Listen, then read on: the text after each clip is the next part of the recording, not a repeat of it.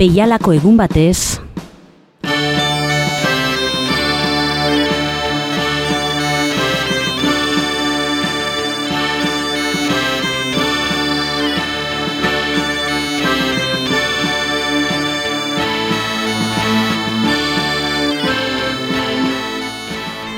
Agur eta ongi etorri Bilbo hiri erratiko entzule zaren hori. Gure memoria eta oroitzapenak gordetzen duen kutsa irekiko dugu datozen minutuetan. Bertatik, gure herrialdeetan gertatutako jasoera historiko nabarmenak, gertaera esanguratsuak, gure kultura, politika, zein bestelako jardueretan, zerrezana izan eta eman dutenek bilakatuko ditugu protagonista nagusi.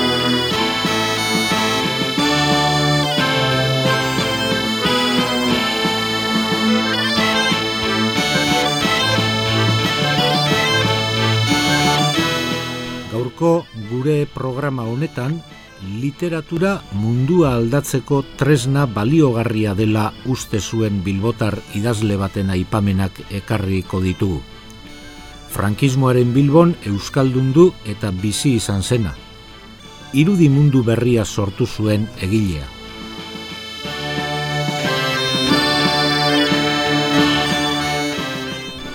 Eta gaurko eguna, urriaren amalaua alegia, baliatuko dugu horretarako, mila bederatzireun eta hogeita mairuko olako egun batez jaiozelako Gabriel Aresti segurola.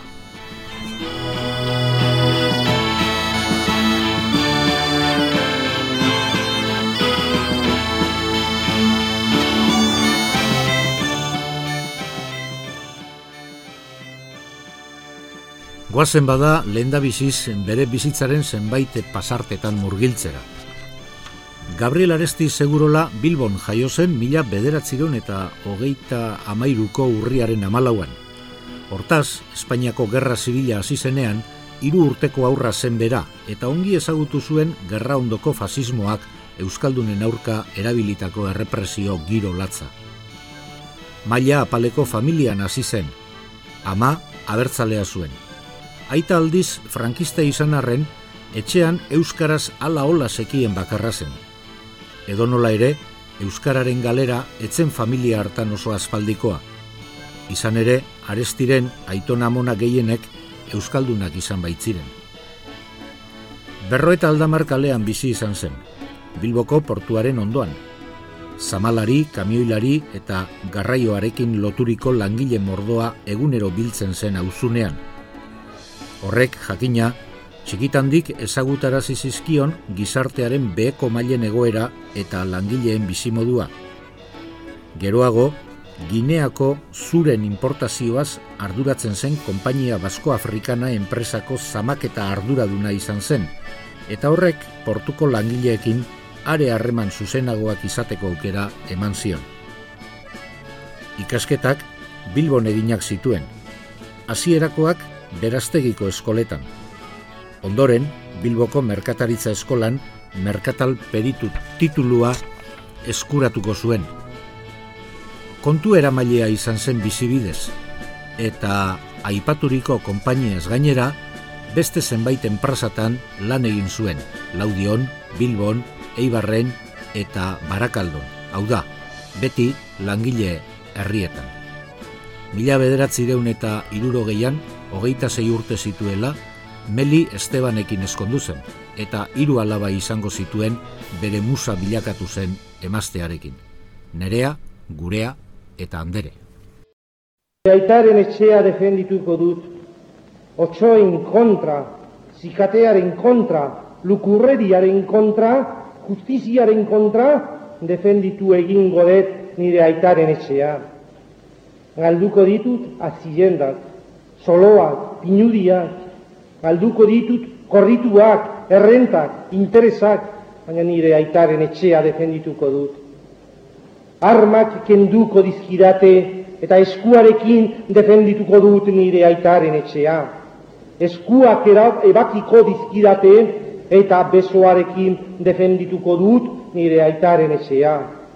Besorik egabe, zorbaldik egabe, bularrik gabe utziko naute, eta harimarekin defendituko dut nire aitaren etxea. ni hilgo nahi, nire harima galduko da, nire azkazia galduko da, baina nire aitaren etxea iraungo du zutik. Gabriel Arestiren ahotsean entzun dugu harri eta herri liburuan plazaratu zuen nire aitaren etxea poema. Denborarekin bere poemarik ezagunena. Eta aitaren etxearen defentsa euskaratik hasiko du.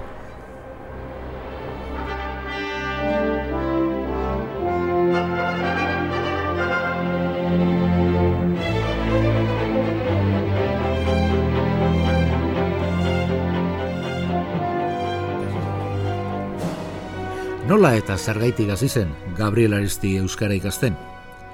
Batzuetan nahasiak eta korapilatsuak izaten dira kausa ondorioen ariak. Aita frankista izatea pisu mingotx eta nolabait lotxagarria zuen Gabrielek. Gainerako zenideen abertzaletasuna kontuan izan da. Berak aitortzen zuenez, aitaren erru hori nolabait garbitu nahiak bultzatu zuen bera euskaraz ikastera.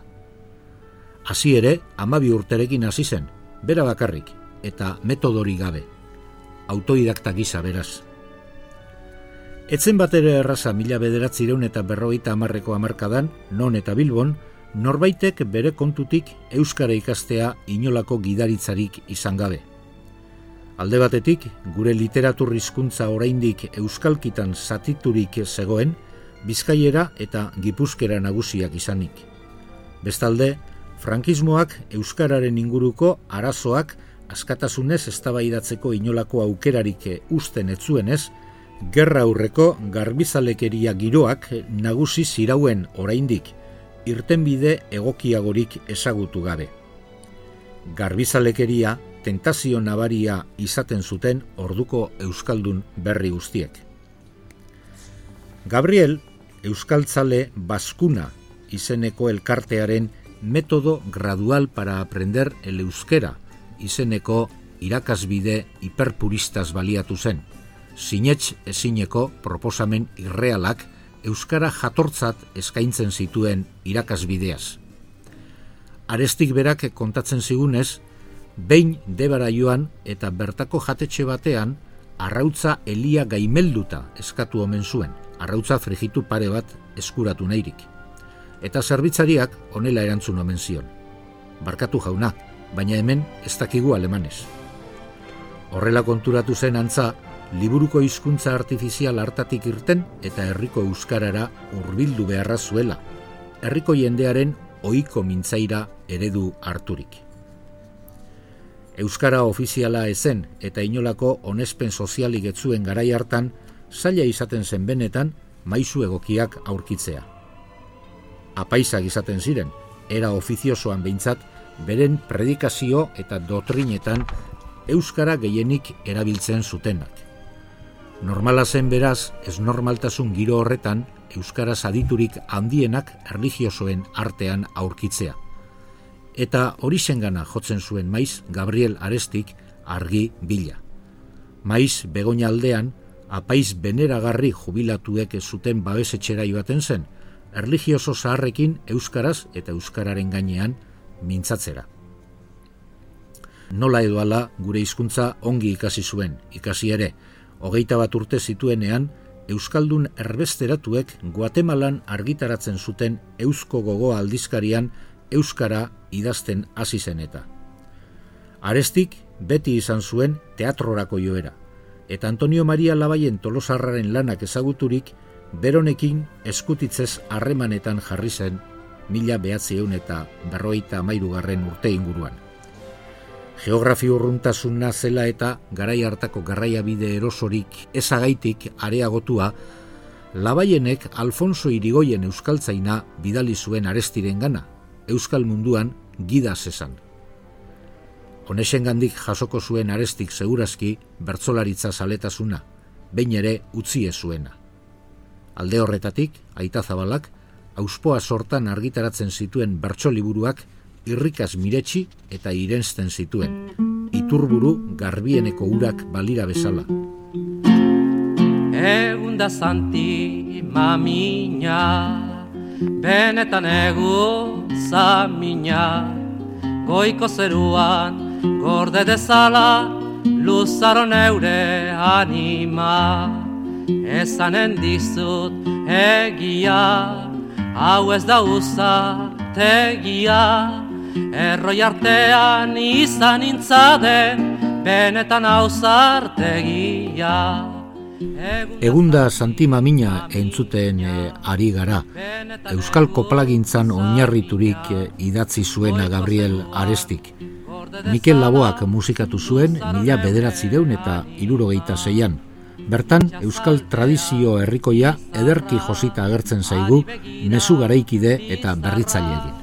Euskera salbo ikusi arte, ez dut kenduko bizarra egun da zanti mamina, benetan egun zamina, goiko zeruan gorde dezala.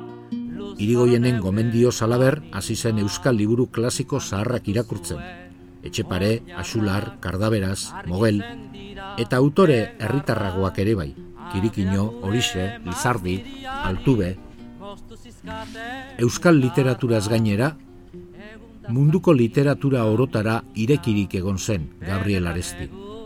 Txikitandik irakurle amorratu horietakoa izan zen.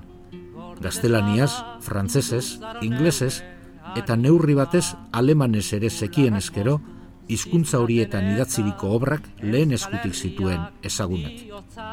Ez ziren edonolakoak izan noski, hortik atera zuen kultura, ikuspegi zabala eta estilo ondare egun da zanti mamina, benetan egun zamina, goiko zeruan, gorde dezala, luzaro noure anima. Eman zaidazu bihotza eta, ken berri nahi gabeak, ez da noiz garen izanen gure, etorkizunen jabea. Egun da zanti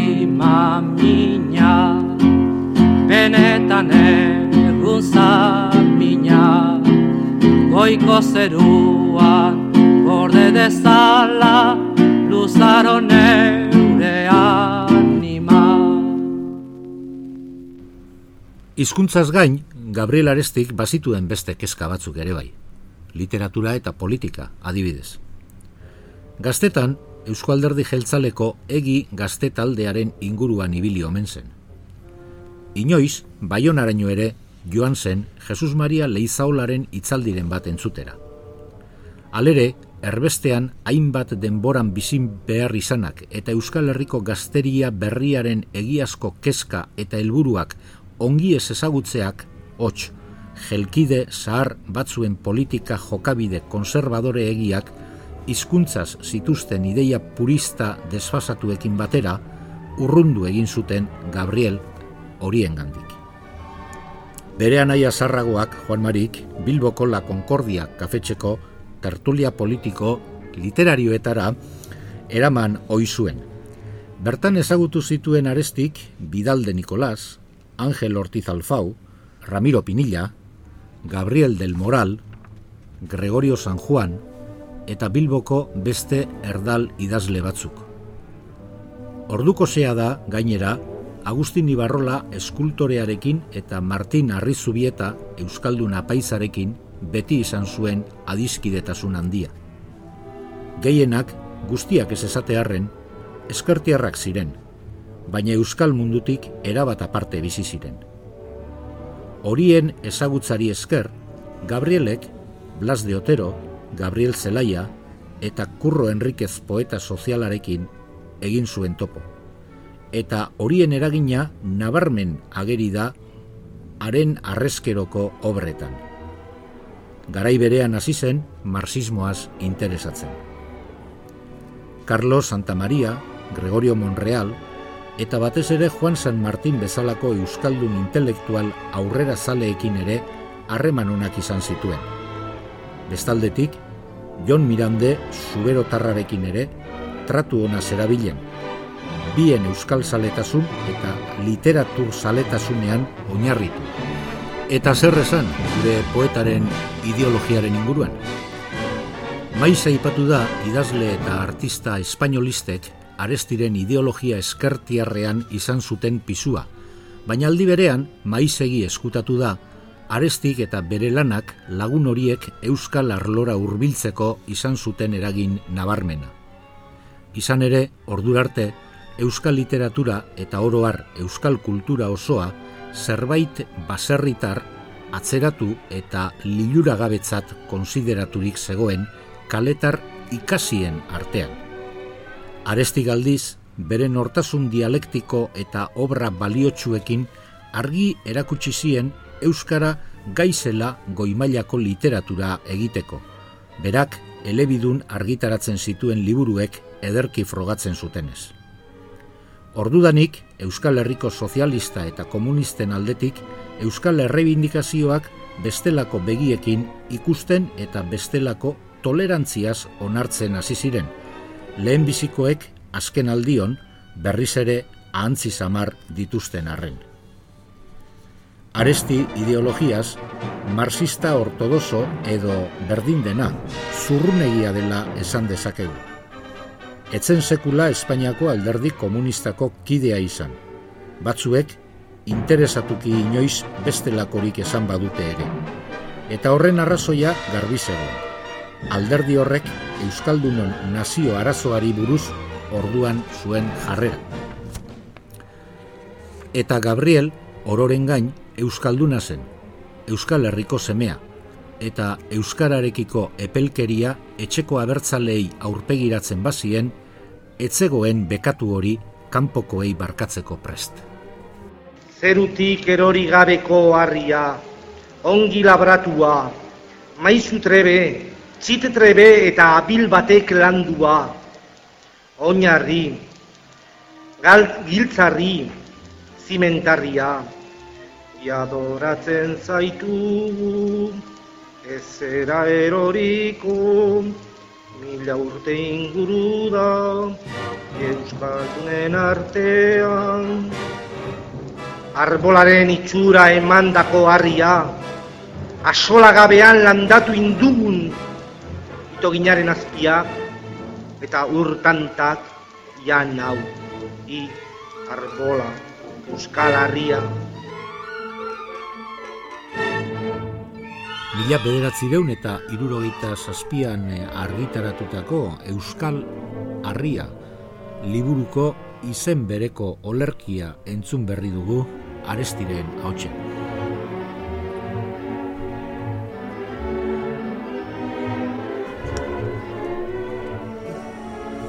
Eta erligioari buruz zer?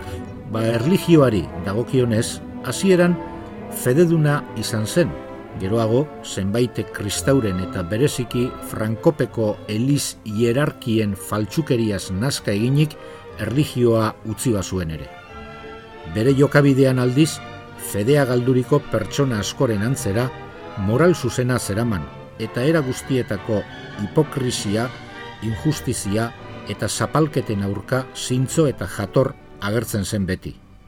Batzuetan, erligioari zorrandia ziola esaten zuen umorez, haren gustoko edaririk maiteena benediktine baitzen. Arestiren klerikalismo bakarra.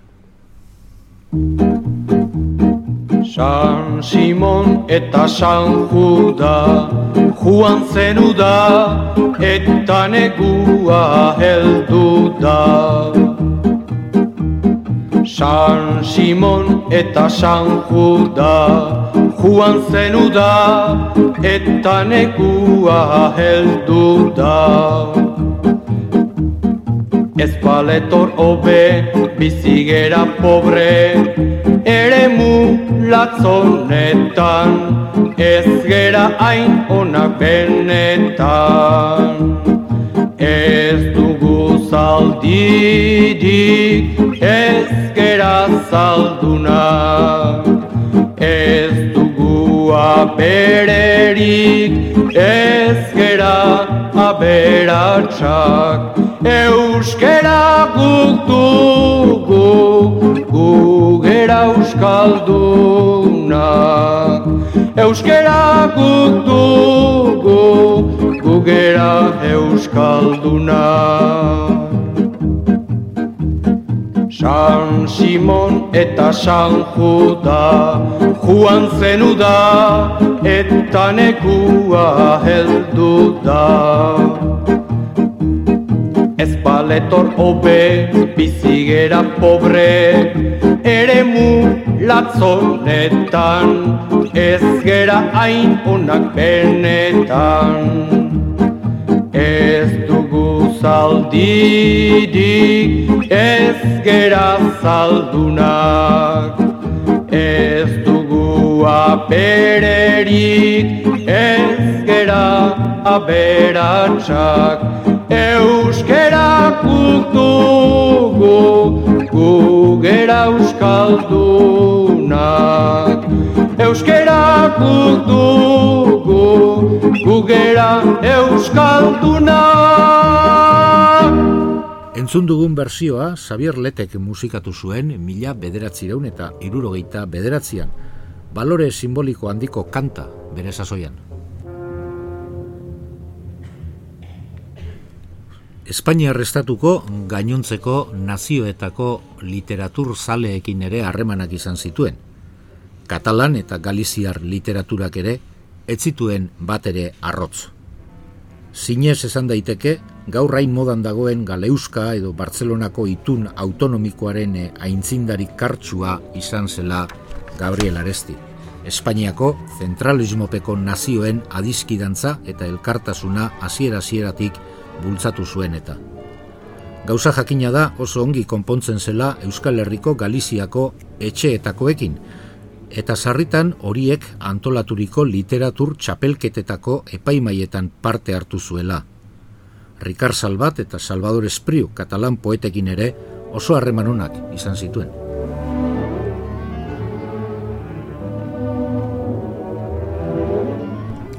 Itzultzaile gisa ere jardun izan zuen eta gainera maizuki.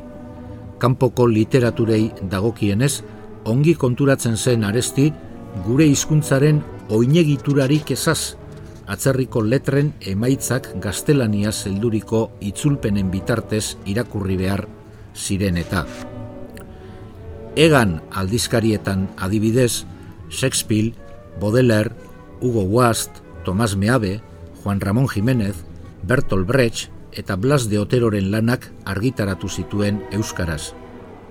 Aparteko liburu gisa gainera, bokazioren ipuin hautatu batzuk, dekamerone txipi bat, eta Nazin Hikmet, poeta turkiarraren lau gartzelak eskaini zizkigun.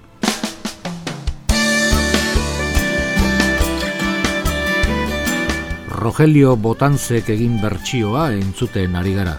Bertan argi geratzen da arestik zuen poesiari buruzko ikuspuntua. Poesiak, olerkiak, funtzio eraldagarria betetzen du, etorkizunerako arma izango du. Nik ere badut nire egia. Eta bankero jaunarenak Bezain bat edo baino gehiago balio du. Nire poesia oso merkea da Herriaren ahotik hartu nuen de balde Eta de balde ematen diot herriaren belarriari Gabriel Arestiren arlo bereziena poesia izan zen. Eta horrela salatzen dute bere bizitzan eremu horretan izandako literatur sari ugariek. Loramendi saria, Horixe saria, Lizardi saria eta Iparragirre saria. Guztiak mila bederatzi jaun eta berrogeita emeretzi eta irurogeita sortzi bitartean lortutakoa. Lendabiziko lan garraintzitsua eta kritikarien iritsiz literatura aldetik oberena maldan behera izan zen. Euskaltza indiak Euskera aldizkarian mila bederatzi deun eta irurogeian argitaratua, naiz eta lehenago idatzia zen. Hor, gizakiaren bilakabide historikoa Euskal poesiaren arekin bikainki bilbatzen jakin zuen arestik. Entzute handiagoa ordea, haren bigarren obrak izan zuen, Arri eta Herrik, mila bederatzi deun eta irurogeita iruan. Hau, edukiz eta formaz, lehenagoko euskal poesiaren garabide ederra izan zen, eta anitz berrikuntza formal ekarri zituen. Gizakiaren betiko sentimentuak bestela aurkezten ditu. Baserri giro lasai eta ederretik derrigorrez kale latzera bizitzera beharturiko pertsonaren ikuspuntutik. Bestetik, protestako gai sozialak ere nabarmen darabiltza eta ordura arteko garbizalekeriarekin behin betiko hausten du. Bide beretik abiatuko ziren, besteak beste, Euskal Harria, mila bederatzi eta irurogeita zazpian, eta arrizko herri hau, hiru urte beranduan. Eta de balde ematen dio herriaren Arestiren poesiak arrakasta itzela izan zuen gazte jendearengan. Gerraurreko euskal poesia klasiko, baina arrezkero zaharkituaren lekuan, Gabrielek bestelako balioak, keska biziagoak eta forma hurbilagoak eskaintzen zizkion gazteriari. Euskara ulergarriago eta praktikoan aurkezturik. Etzen harritzekoa hortaz, batxilergo eta unibertsitateko ikasleen artean arestiren obrak ideario berriaren simbolotzat hartzea. Euskal kultura alde batetik, zapaldurik eta bestetik, mespreziaturik zegoen garai hartan, Bilboko poetaren obrek osenki aldarrikatzen zuten, norbera aldi berean Euskaldun eta aurrera sale izan zitekeela. Eta Euskaraz mintzatzea eta idaztea, etzela atzerakoi edo irrigarri gelditzeko motiboa.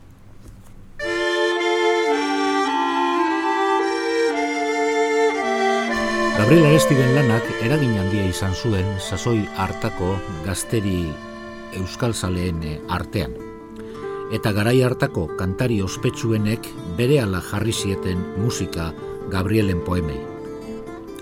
Lehenengo Mikel Laboak, ondoren Xavier Letek eta Lourdes Iriondok ere bai. Eta oskorri taldearen antolatzaile izan zen Nacho de Felipek, guztiek lau aizetara edarazi zuten arestiren poesi eta gizarte mezu bortitza.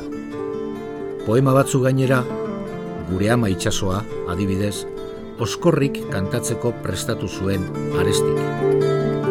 Zuzara gure ama maitia, Euskal Edunon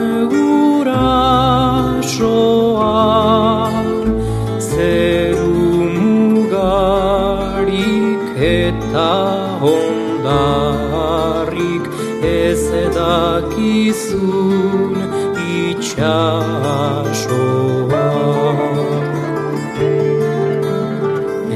Elikatzen gaitu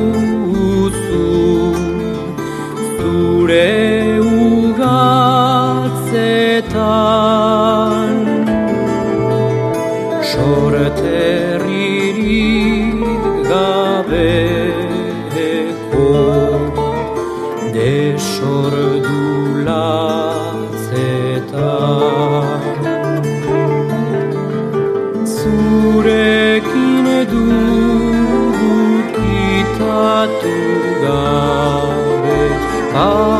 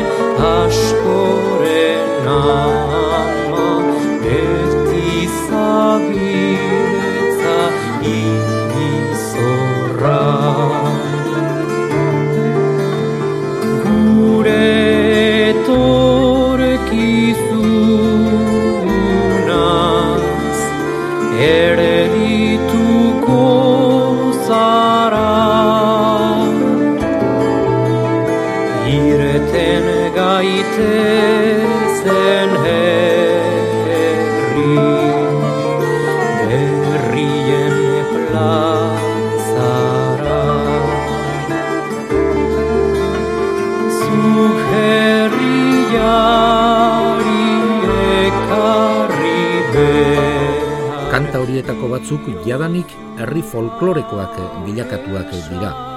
San Simon eta San Juda eta Egunda Santima Mina adibidez. Eta maiz, horiek kantatzen dituen jendeak ez daki jakin norenak diren ere, alaxe betidanikoak balira bezala edo ikasi ditu.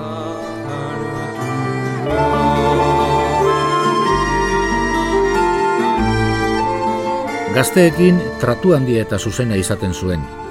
Kultura elkarteetan maiz hitzaldiak egin eta ondoan, bera entzutera etorririko gazteekin baso erdibana edatera edo afaltzera joaten zen garaiko keskez eztabaidatzeko. Behin, Bartzelonako Unibertsitatean ere hitzaldi bat egin zuen, bertan ikasten ari ziren Euskaldun estudianteek antolaturik. Zuei Bartzelonako Euskaldun Unibertsitate mutilok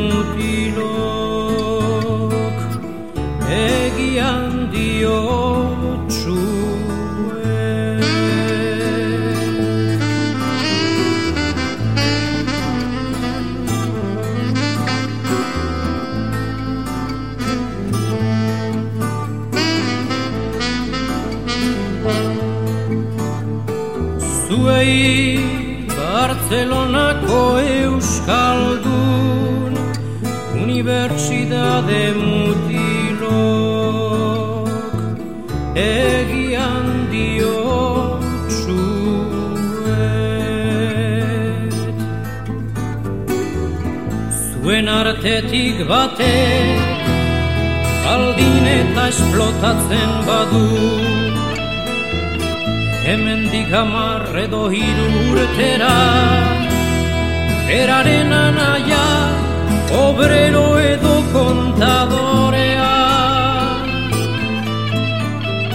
Hori, zuen arteko hori Zuen arteko hori Neure maldizi hori, goro bilenarekin horren ituko dudala. Sipula, sipuloru Mundu honetako Puta semerik semena bezala. Puta semerik semena bezala. Orduko euskal kulturaren egoera ikusita, etzien Gabrielek musin egiten lan apalagoei eta horien premia ikusten zuenean, prest egoten zen beti gazte eta gazteagoen behar izanei erantzuteko. Hori dela eta asterizen komiki ezagunak euskeratu zituen, eta behin aurrentzat ipuin disko bat atera behar zela eta bere bos sendo eta sakona eskaini zuen txanogorritxoren otxoarena egiten. Unibertsidade mutilok Bilbo eta gainontzeko Euskaldun berrien eredu izan zen Gabriel Aresti. Abertzale motelek bere alferkeria eskutatzeko Euskara umetandik espazen ikastezina zela esaten eta sinistarazten zuten garaian, Aresti bere jarrera pertsonalarekin erabateko mito hausle izan zen. Bere bizitzan zehar argi utzi zuen bigarren hizkuntza gogoz eta sentimentuz hartzen denean norbere eguneroko norbere sentimentuen eta sormenaren lehen hizkuntza bilaka zitekeela. Bere garaiko gaztea bertzaleen eredu imitagarria bilakatu zen aresti, eta anitz hasi ziren beragaitik euskara ikasten. Egiazki esan dezakegu gure artean bera izan zela Federico Krubig eta Txillardegirekin batera ondorengo belaunaldi osoaren aintzindaria.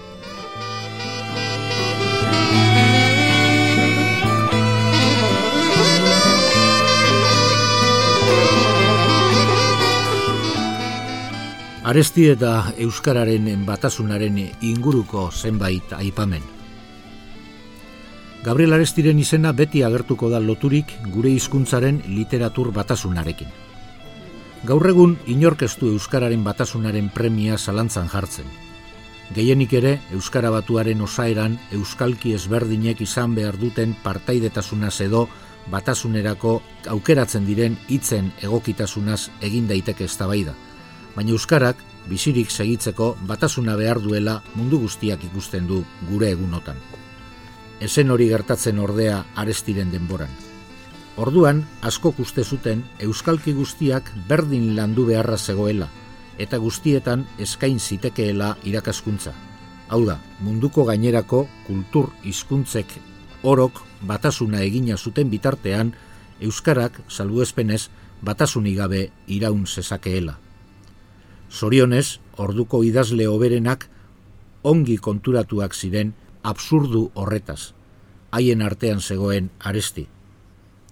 Mila bederatzireun eta irurogeita laugarren urtean, ipar eta hegoaldeko euskal idazle talde batek bilera bat antolatu zuen baionan. Helburua euskararen literatur batasunerako oinarriak jartzea.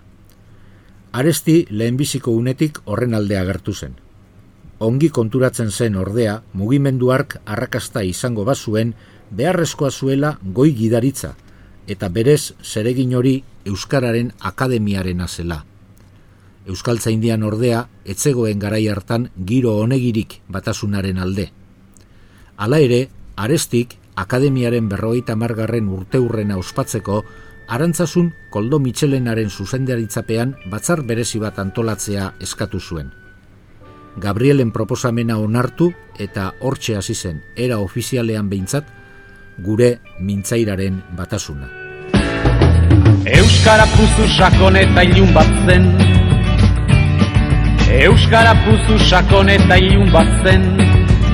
Eta zuek denok urgazi bat atera zen uzten. Handi nekez Eta zuek denok urgazi bat atera zen uzten Handi neke Buk Euskara Agian, jende gutxik daki, entzungo dugun abesti honen letra arestiren adela. Guk Euskaraz, zuk zergaitik ez. Urko musikari donostiarrak musikatu zuen. Zergatik ez Orain zuen birtute zuen indarrez Orain zuen birtute zuen indarrez Euskara itxaso urdin eta zabal bat izanen da eta guri. Da Euskara itxaso urdin eta zabal bat izanen da eta guri. Da. Euskara ficará.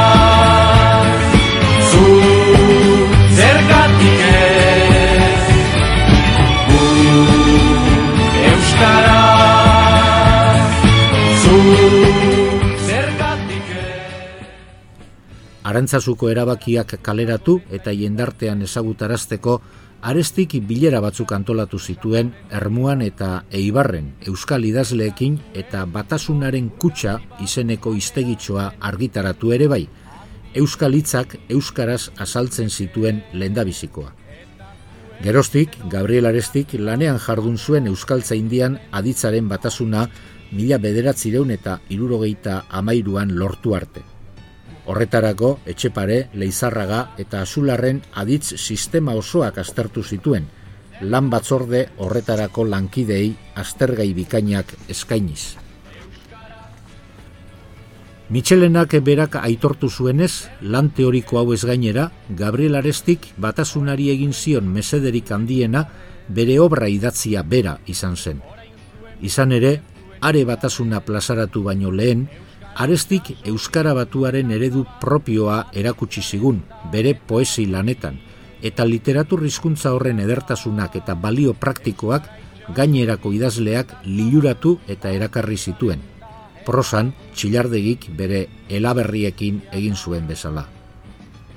Euskara batuaren alde hainbat artikulua argitaratu zuen anaitasuna aldizkarian. Bestalde, batasunean sakondu eta ura finkatzeko asmoz, mila bederatzireun eta irurogeita mairuan iztegit tipia argitaratzen hasi zen, nolabait oraingo Euskal Enziklopedien bide urratzaile. Etzegoen ordea herri euskara jator eta dialektalaren aurka, ongi baitzekien hortik zer nolako altxorra atera ziteke. Zergatik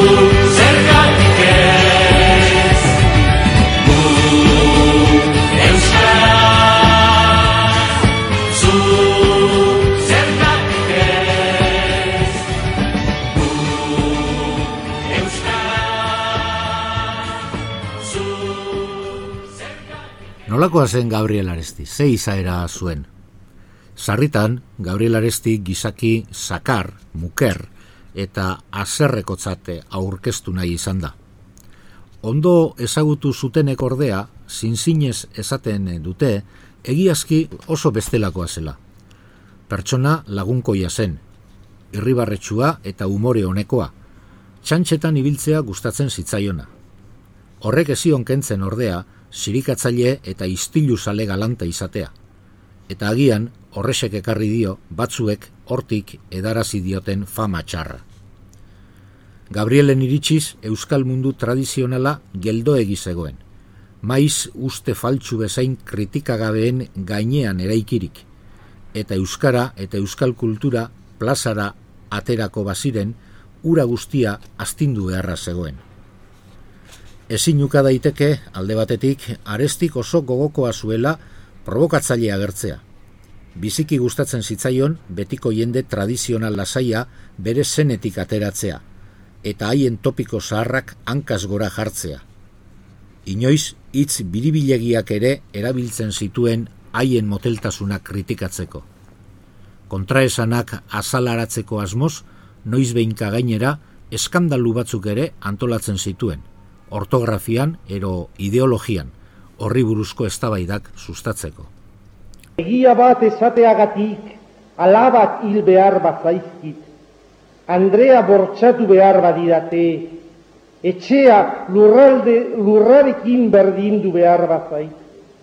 Egia bat esateagatik, ebaki behar badidate, nik eskribitzen dudan eskua, nik kantatzen dudan mina, egia bat esateagatik nire izena kenduko badute euskal literaturaren urrezkorrietatik, inoz, inola, inun, ez naiz isilduko. Benetan isiltzen ezen horietakoa zen aresti. Egia bat e, esateagaitik olerkia liteke sentimentu horren testigantza zuzena.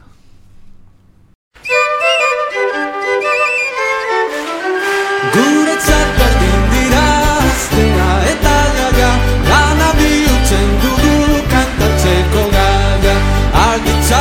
eskuan giltza eta laia Gariz eta burdinaz lantzeko bizkaia. Guretzat berdin dira aztea eta gaga Lana bihurtzen dugu kantatzeko gaia. Gitarrarekin aire berri bat Dara magu kantu segun Abesti libre eta leiala Prestu eta nobleza du. Haren medio zer garen ongi izan gaitezen ezagun. Herri langile nekazaria ala defendi dezagun. Asko getzioten gazteari ausartzia hori inoiz barkatu, eta era guztietako irainak eta difamazioak asmatu zituzten bere kontra. Erligioaren kontra zebilela, komunista zela, espainolista eta antiabertzalea besterik etzela, eta ura sokoratzen ere alegindu ziren. Azkenean alferrik, aresti bezalako erraldoia espaitzen errazkik hiltzen, eta haren aurka eginiko erasoei are kritika gogorragoekin erantzuten zien, pisu handiko arrazoiak jaurtiz.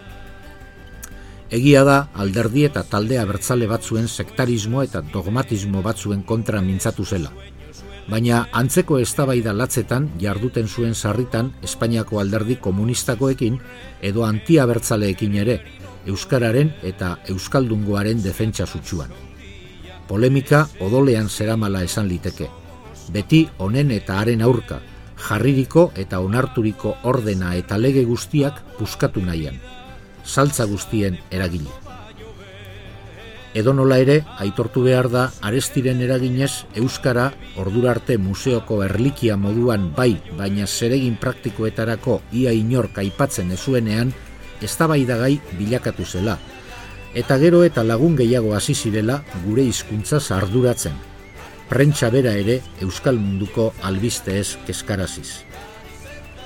Erligio aldetik, fedegabea izanik ere, Fraideen eta Elis gizonen artean lagun onak zituen Gabrielek, zintzoki estimatuak.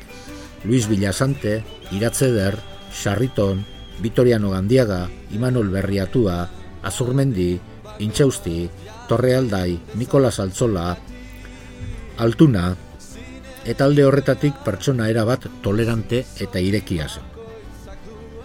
Arestik beste ezaugarri bat zuen oso nabarmena. Langile porrokatua izatea. Zerbaitetan lanean hasten zenean, gramatika edo literatura arloan adibidez, orduak eta orduak ematen zituen, nahi edo behar izandako datuak aurkitu arte. Eta maiz, gau osoak pasatzen zituen, liburuak aztertzen, argibideak biltzeko. Euskaltzain dira aurkezten zituen lanetan, hori guzti hori nabarmen ageri zen, guztien mirespenerako.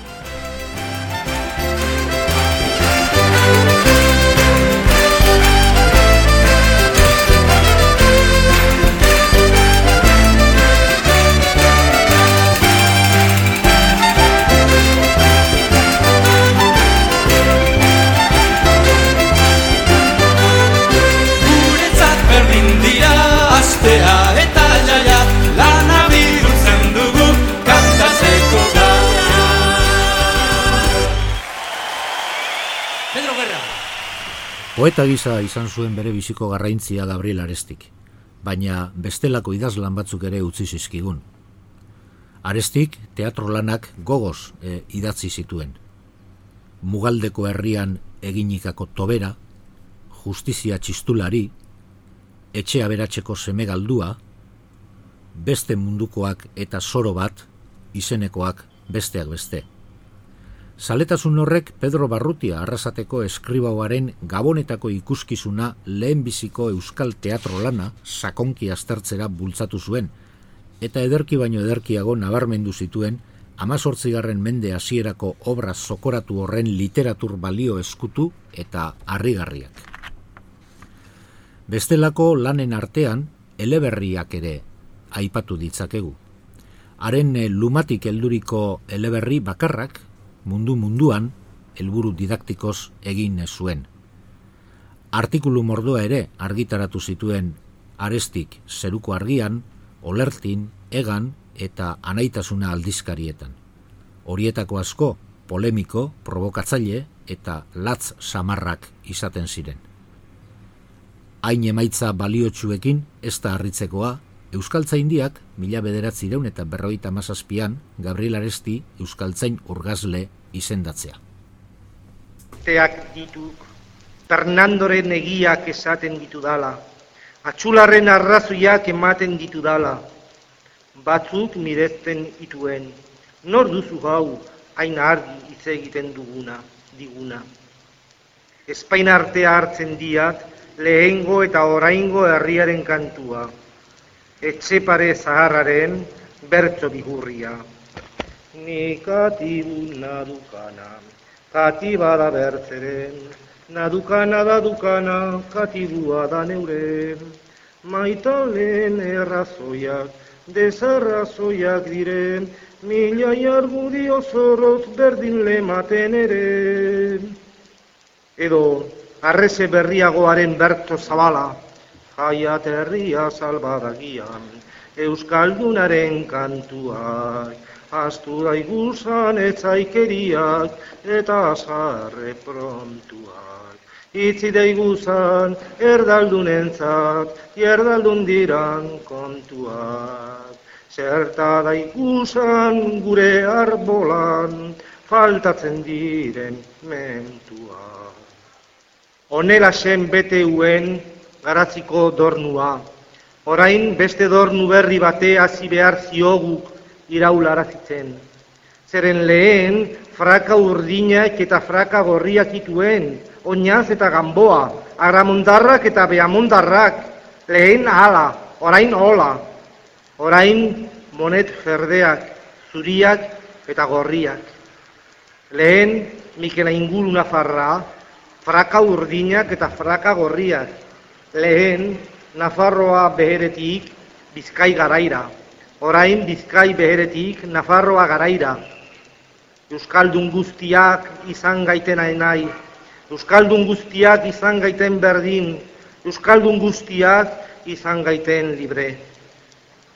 Era dezagun Euskal Herri guztietatikan bonet urdin bergara bat, anaitasunaren eta borondatearen txapel berria, esandakoa eta egindakoa ez taldadin nola, eta bien bitartean anaia, Mikela inguruna farra, arzak anaiaren eskua, arzak gure utopia honetan, gure ukronia honetan, arzak orain hemen, Mikela ingeru astiz nafarra, jakin behar duan oren eta lekuan, anaiaren eskua. Poetaren hautzean entzun berri dugu, berak idatzitako, azken Euskaldunaren eriotzea. Ire aizpe, esaienik txikia, zer gaitik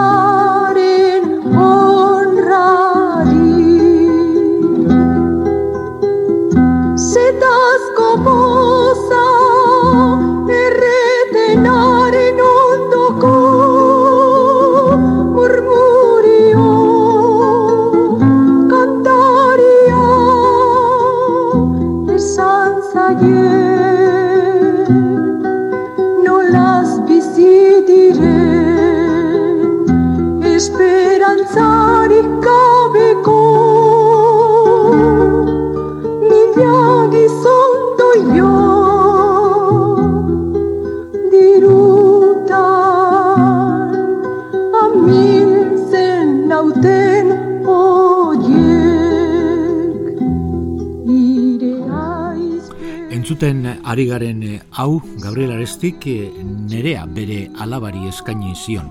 Nereari izeneko kantua da Lourdes iriondoren hautsean.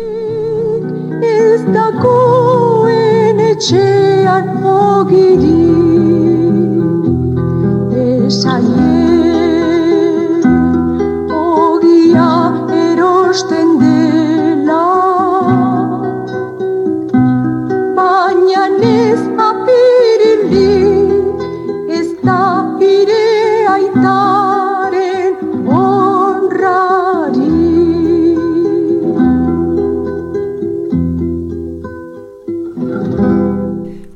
Aresti mila bederatzireun eta irurogeita amabos garreneko ekainaren bostean hil zen, Bilboko ospitalean eginiko ebakuntza baten ondorioz, berrogeita bi urte betetzeko oraindik. Hiletan, haren adizkide mina zen Imanol berriatua Frantziskotarrak eman zuen mesa. Derioko hilerrian, Juan San Martin Euskaltzainak, Eibarko apaiz laikoen tradizioari jarraituz, adizkide guztien izenean agurritzak esan zizkien unkiturik bertan ziren guztiei. Euskal kulturak galera handia izan zuen haren eriotzarekin. Mitxelenak prentsara eginiko adierazpenean, hogei garren mendeko euskal poetarik oberena galdua genuela esan zuen. Urte bereko azaroak, Franco diktadorea eraman zuen mundu honetatik, eta Euskal Herria gau ilunaren ondoko egun senti argia hasi zen ikusten. Arestik ereindako arrisko Euskal Asia laster erneko zen. Herriak ez du bere semea ahantzi, eta zenbait kalek eta irakaskuntza institutuk bere borondatearen kontra, haren izena daramate betiko oroigarritzat. Gora eta gora beti, hai gora lapurdi, Euskarak bizi gaitu eta bizi bedi. Gora eta gora beti, hai gora lapurdi, Euskarak bizi gaitu eta bizi bedi. Gora eta gora beti, hai gora lapurdi, Euskarak bizi gaitu eta bizi bedi. Gorantza doa, agudo kapitala eta lapurdi beti dago apala aldre besturi dago mundu zitala. Konformatzen ez pagara ze pekatu mortala. Gora eta gora beti, haikora lapurdi Euskarak bizi gaitu eta bizi bedi Gora eta gora beti, haikora lapurdi Euskarak bizi gaitu eta bizi bedi gurea ez da izi modu normala. Lurra lantzeko haitzurra eta bala lanaren truke kobratzen erreala. Benetan da miserable Euskaldun on Eta onaino Gabriel Aresti segurolaren inguruko zenbait pasarte. Gizon anitza eta polifazetikoa, Bilbotar Euskaldun berri autodidakta, olerkari sozial berritzaile eta aurrerakoia, molde apurtzaile eta polemista, Euskara batuaren aldeko langile porrokatua, gizon zirikatzaile eta umoretsua eta frankismoaren azken urteetako ezinbesteko erreferente euskal munduaren berpizkunde eta bizi iraunerako. Euskaldun sortzailea azken fina. Zopa guztitzar gala, Rizeiuen olioa, ez da postre formala, gora eta gora beti, haikora lapuli, euskarak bizi gaitu, eta bizi bedi, gora beti Aikora lapurdi Euskarak bizi gaitu Eta bizi bedi Jabe erdute Onzi jentzi zabala Bakastute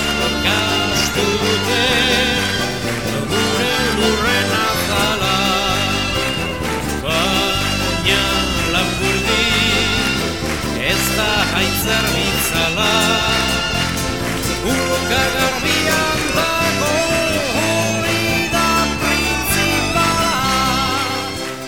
Bukatzeko entzule jakizu gure memoria eta oroitzapenen gordailu honetan zuk ere lekua daukazula gurekin batera. Milesker jarri duzun arre eta gaitik, milesker gurekin egotea gaitik, ondondo izan eta hurrengo baten arte.